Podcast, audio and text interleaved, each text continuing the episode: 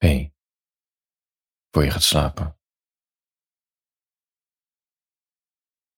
Ik, ehm, elke keer als ik de sportschool inloop, binnenloop, voel ik me een beetje als een toerist die, die het verkeerde vliegtuig heeft genomen. Dat je, laat me zeggen, op, op culturele reis wil naar Rome. En voor je het weet zit je in uh, Sunny Beach in, in uh, Bulgarije. Ja, dat heb ik dus elke keer. Maar goed, weet je, ik loop die sportschool in het liefst twee, drie keer in de week. Maar ik moet zeggen, ik zit in een iets mindere periode. Het is nu één keer in de week. En ik vergeef mezelf. Het leven is al ingewikkeld genoeg. En ik zit daar voor mijn mental health. En, en omdat fit voelen en veilig voelen is. En ik er beter van slaap. Nou, dat. Maar toch, eh, het is, uh, ik weet niet. Ik vind het. Uh, ja, ik, ik vind het gewoon een grote absurdistische bedoeling, die hele sportschool. Je ziet mensen op zo'n looppad rennen en ik loop er zelf ook wel eens op en denk, ja, dit is het leven. Je komt gewoon niet vooruit. Dit is het hele leven. Je kan hem hard zetten, je kan hem zacht zetten.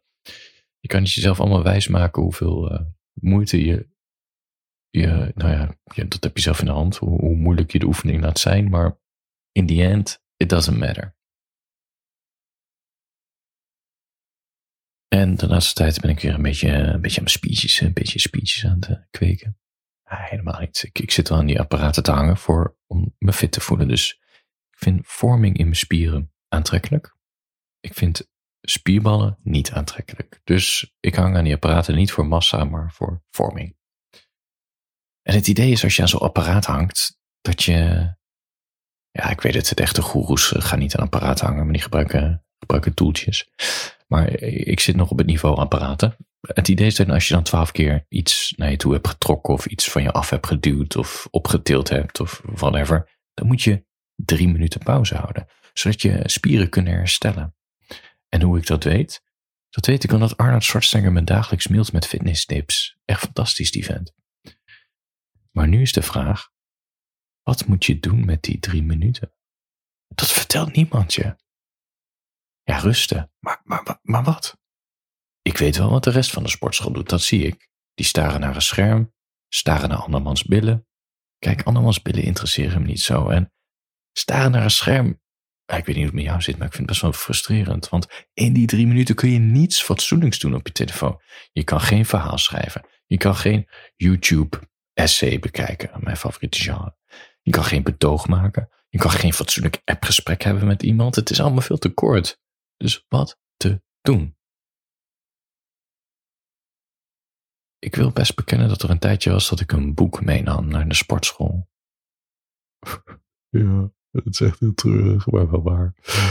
Ik, nam, ik heb onder andere Heer der Vliegen gelezen in de sportschool. Gewoon even puffen en kreunen aan zo'n stang. En dan pak je een boek met bladzijden op. Dan deadlift je dat boek omhoog. En dan kijk je heel ernstig naar de woorden. En dan deed ik zo de kaft omhoog dat iedereen kon zien dat ik Heer der Vliegen aan het lezen was. ja, het is ook zo treurig dat ik dat echt deed. Oh. Kijk, zij hebben spieren. Ik heb de literatuur. Be that.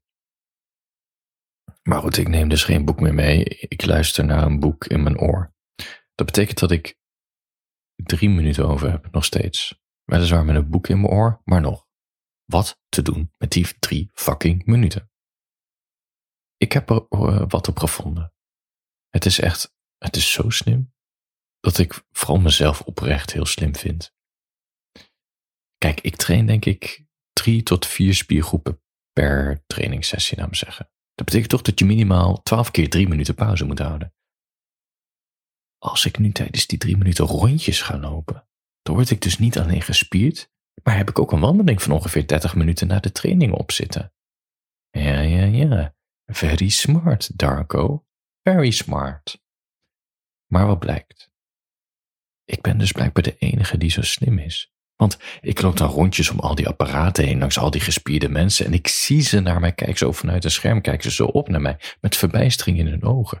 En ik zie ze denken, what the fuck is deze niet gespierde gast al een half uur lang elke keer aan het doen? Want ja, het is best wel veel rondjes lopen voor die drie minuten om zijn. En dat doe ik dus dan twaalf keer. Ja, en het is ook wat om tegen al die mensen te zeggen: ik luister nu Dostoevsky in mijn oor. Ik luister nu Dostoevsky in mijn oor. Hè? Ja, dat schiet ook niet op. Dus ik merk, nou, laten we zeggen, als ik bij de tweede of bij de derde sessie ben aangekomen, ik begin me een beetje voor die wandelingetjes te generen.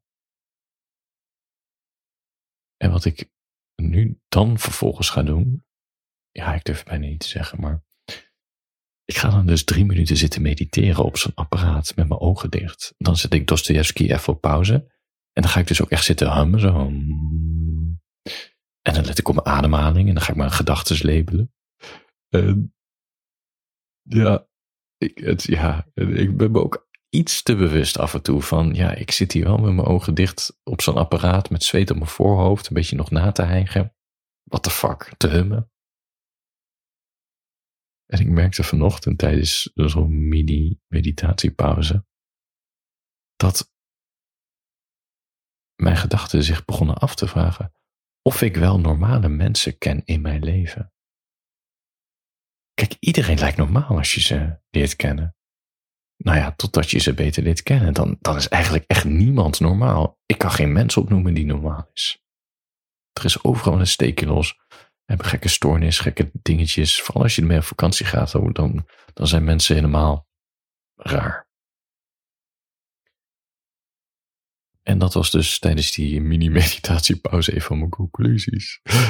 toen kwam ik tot een nog heftigere conclusie.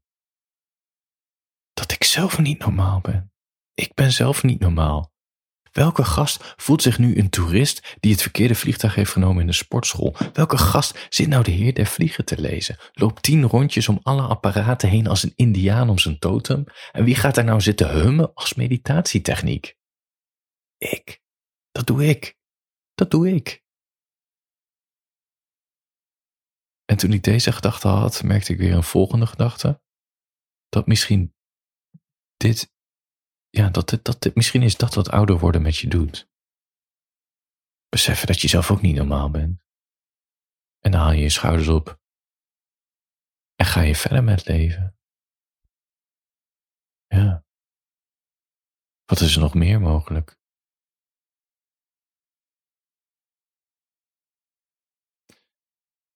Wat is er nog meer mogelijk?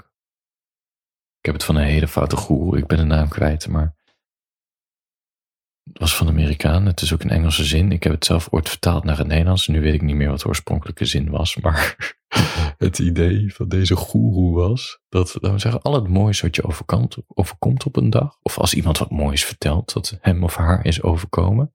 Dan moet je zo ja, met je lucht zo opnemen in je borst, een beetje je oogjes sluiten. En dan vol, vol overtuiging zeg je dan, wauw, wat is er nog meer mogelijk vandaag? En dit, echt joh, je krijgt bonuspunt als je dit zonder ironie kan, tegen mensen kan zeggen. Opdracht voor jou, morgen bij wakker worden. Of als je nu, eh, als het nog overdag is, als je dit luistert. Zeg minimaal vandaag als iemand iets leuks of moois deelt. Of als jou iets moois overkomt, zeg hardop. Wauw. Wat is er nog meer mogelijk vandaag?